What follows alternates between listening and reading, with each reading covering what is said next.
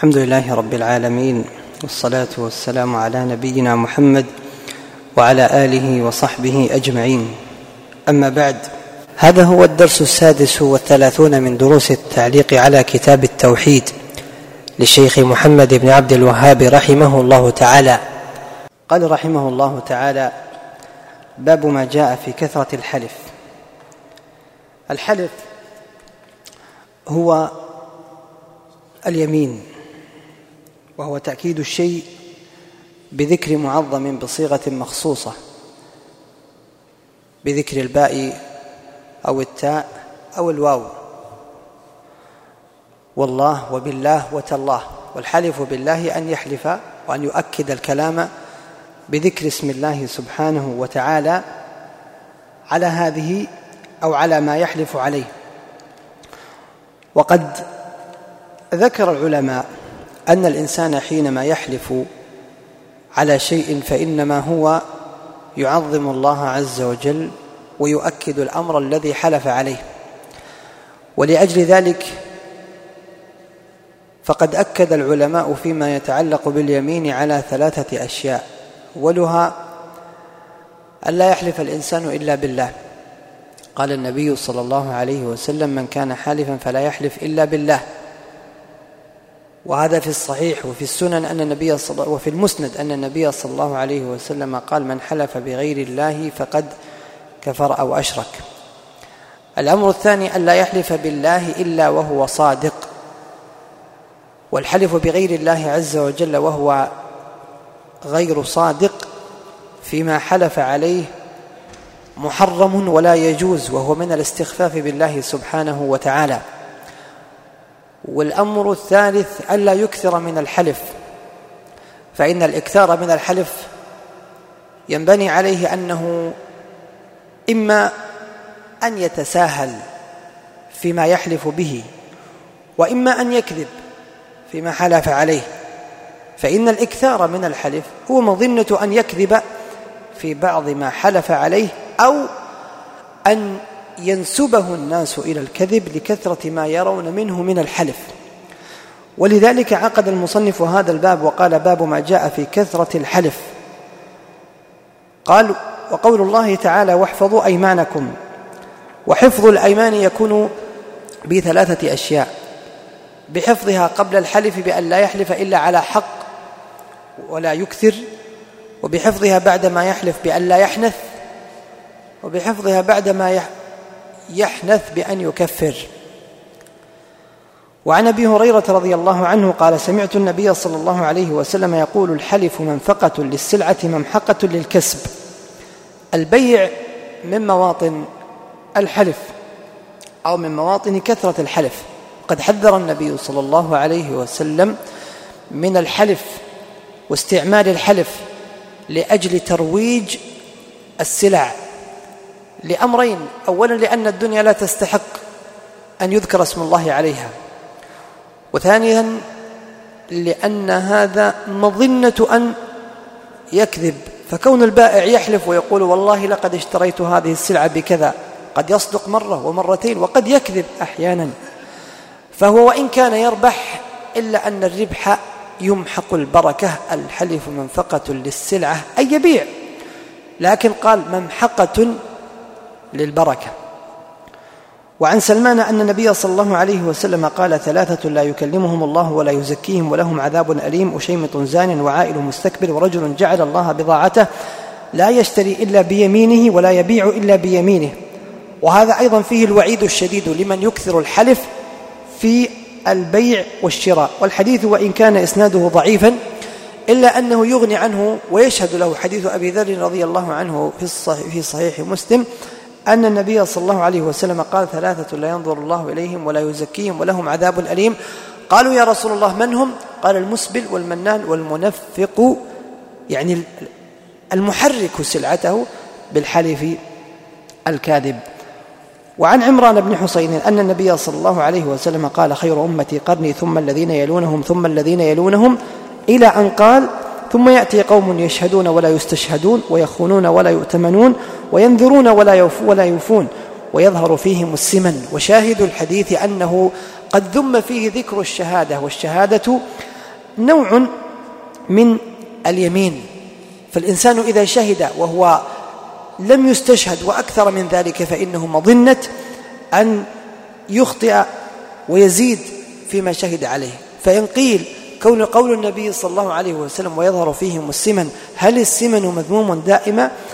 الجواب ليس السمن مذموم دائما وإنما ما كان ناشئا عن الإقبال على الدنيا والترف والرفاهية ونحو ذلك فإنه يذم وإلا فقد يكون الإنسان سمينا بخلقة الله عز وجل له. وهذا كما وقع عن بعض الصحابة. ثم ذكر قول إبراهيم النخعي كانوا يضربوننا على الشهادة والعهد ونحن صغار. وهذا لأن السلف رحمهم الله كانوا يربون الصغار على ألا يحرصوا على الشهادة لأن الشهادة كما سبق مظنة لأن يخطئ الإنسان. ولذلك كما ورد في الحديث أن النبي صلى الله عليه وسلم أرى رجلا الشمس وقال هل ترى الشمس؟ قال نعم. قال على, على مثلها فاشهد أو دع. يعني إذا كنت تثق وتتيقن بما تشهد به فاشهد وإلا فشيء تلتبس به لا تشهد لا تشهد عليه. ثم ذكر باب ثم ذكر بابا آخر وهو باب ما جاء في ذمة الله وذمة نبيه. الذمة هي العهد ومقصود الباب التحذير من نقض عهد الله وذمة الله عز وجل. والمراد بالعهود هنا ما يكون بين المسلمين والكفار وما يكون بين قائد المسلمين في المعارك وبين الجيوش التي يقابلها فإنه ينبغي عليه أن لا يخفر ذمة الله وذمة نبيه صلى الله عليه وسلم. وذكر في الباب قول الله عز وجل وأوفوا بعهد الله إذا عاهدتم ولا تنقضوا الأيمان بعد توكيدها وحديث وحديث بريدة رضي الله عنه في الأمر الذي كان يقوله النبي صلى الله عليه وسلم للجيوش إذا أمرهم وكان يقول لهم عبارات عديدة ساقها المؤلف ومنها وإذا لقيت عدوك من المشركين فادعوهم إلى ثلاث خصال أو خلال في جمل عديدة هي مما كان يوصي به النبي صلى الله عليه وسلم قواد جيوشه والشاهد في ذلك أنه كان يقول لهم وإذا حاصرت أهل حصن فأرادوك أن تجعل لهم ذمة الله وذمة نبيه فلا تجعل لهم ذمة الله وذمة نبيه ولكن اجعل لهم ذمتك وذمة أصحابك أو وذمة أصحابك لماذا؟ كونك تعطيهم يطلبون منك الذمة وعهدا وميثاقا فيقول أنزلهم على عهدك وضمانك وميثاقك لماذا؟ لأنكم لو خفرتم ذلك ونقضتم ذلك العهد وخفرتم تلك الحماية كونكم أخطأتم هذه واحدة لكن كونكم أعطيتموهم عهد الله وذمة الله وذمة النبي صلى الله عليه وسلم. ثم نقضتم ذلك أنتم أخليتم بالأمر من وجهين من وجه أنكم وعدتموهم بشيء وهو كما في الحديث ذمة الله. ثم خبرتموه والأمر الثاني نقض ذلك العهد. قال فإنكم أن تخفروا ذممكم وذمم وذمة أصحابكم أهون من أن تخفروا ذمة الله وذمة نبيه صلى الله عليه وسلم. ثم ذكر الباب الثالث وهو باب ما جاء في الإقسام على الله عز وجل. وصورة الإقسام على الله أن يقول الإنسان أقسم عليك يا ربي إلا فعلت كذا وكذا أو يقول والله ليفعلن الله كذا وكذا أو والله لتفعلن يا ربي كذا وكذا.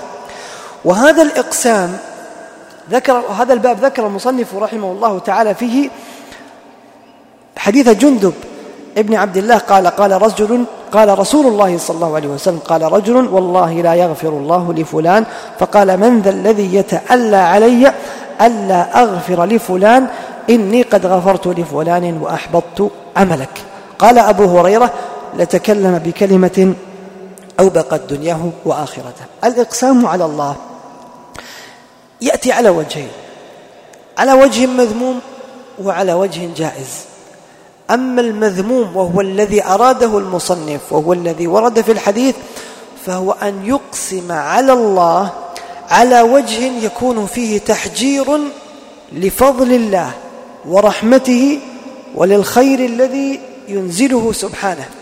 كما قال هذا الرجل والله لا يغفر الله لفلان. وكما لو قال قائل والله لا يرحمك الله. أو أقسم على الله ألا يغفر وألا يتوب على هؤلاء. فهذا فيه تحجير لفضل الله وإغلاق لباب الخير الذي يريده الله عز وجل. فهذا لا يجوز. وهذا لما ذكرنا من أنه إغلاق إغلاق وتحجير لفضل الله ولأنه أيضا فيه سوء ظن بالله أنه لا يقبل توبة فلان أو لا يغفر لفلان. هذا الوجه المذموم.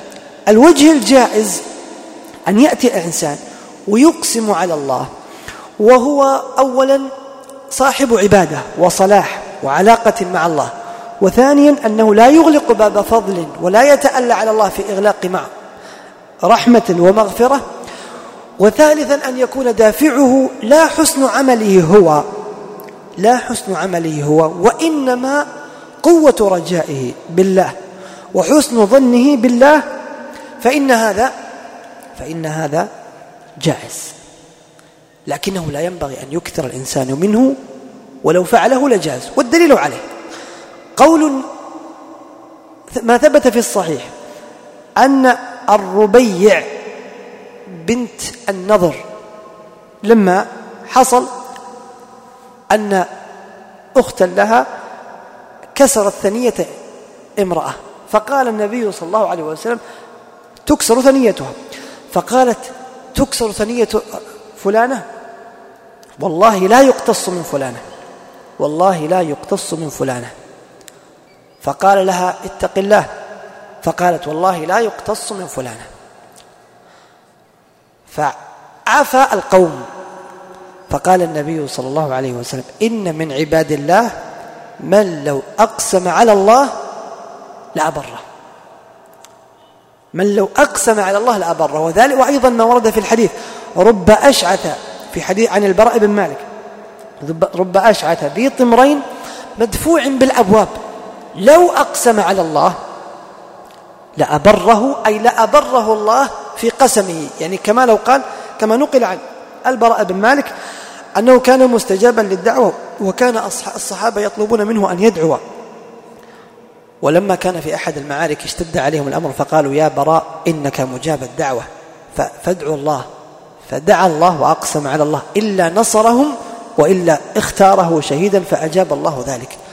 وذكر ابن الجوزي وغيره أن محمد بن المنكدر يقول دخلت مرة مسجد النبي صلى الله عليه وسلم فإذا رجل يقول فإذا رجل دخل فتلفت يمنة ويسرى فلم يرى أحدا وظن أن المسجد خاليا فرفع يديه وقال اللهم إن الناس استغاثوا استسقوك فلم تسقهم وإني أقسم عليك يا رب إلا سقيتهم الساعة الساعة. فقلت هذا مجنون كيف يقسم على الله؟ يقول فخرج متخفيا فما خرج إلا والناس قد مطروا. فقلت لأتبعنه فلأنظرن ماذا خبره. فدخل حتى وصل إلى بيت رجل يبيع الأرقاء. وإذا به رجل رقيق يباع ويشترى. فدخلت على سيده فطلبت منه أن أشتري منه رقيقا فأخرج لي أرقاء. عندهم شدة بأس وقوة بنية. فقلت لا أريد هؤلاء أريد هذا. قال هذا لا. فأصريت عليه فاشتريته. فلما كان معي أخبرته أني اطلعت على أمره. فأخذ مني العهد ألا أخبر أحدا ما دام حيا. الشاهد من ذلك أن الإقسام على الله إذا كان ناشئا من إنسان صالح وعنده عمل صالح وناشئا من حسن ظنه بالله لا من حسن عمله هو لا يقول أنا مدل على الله بعملي وأني عندي عمل صالح إذا أنا أقسم على الله؟ لا. ولا يغلق باب معروف فإنه لو فعل ذلك فإن الله عز وجل قد يبره في قسمه ويجيب دعوته حينها. وشاهد الكلام أن الإنسان ينبغي أن يعظم الله عز وجل وأن يعلم أن شأن الله عظيم وأن العبد شأنه أمام ربه ضعيف. فلا ينبغي عليه أن يقسم على الله سبحانه وتعالى وأن وأن يحلف على ربه فإن هذا لم يكن يفعله النبي صلى الله عليه وسلم. وهو أقرب الخلق إلى الله. ولم ينقل عن أحد من الصحابة أنه فعله إلا ما نقل عن الربيع وعن البراء بن مالك وبقية الصحابة مع أنهم احتاجوا في بعض الأحيان لم يكونوا يفعلون ذلك. هذا والله أعلم. صلى الله وسلم وبارك على نبينا محمد وعلى آله وصحبه أجمعين.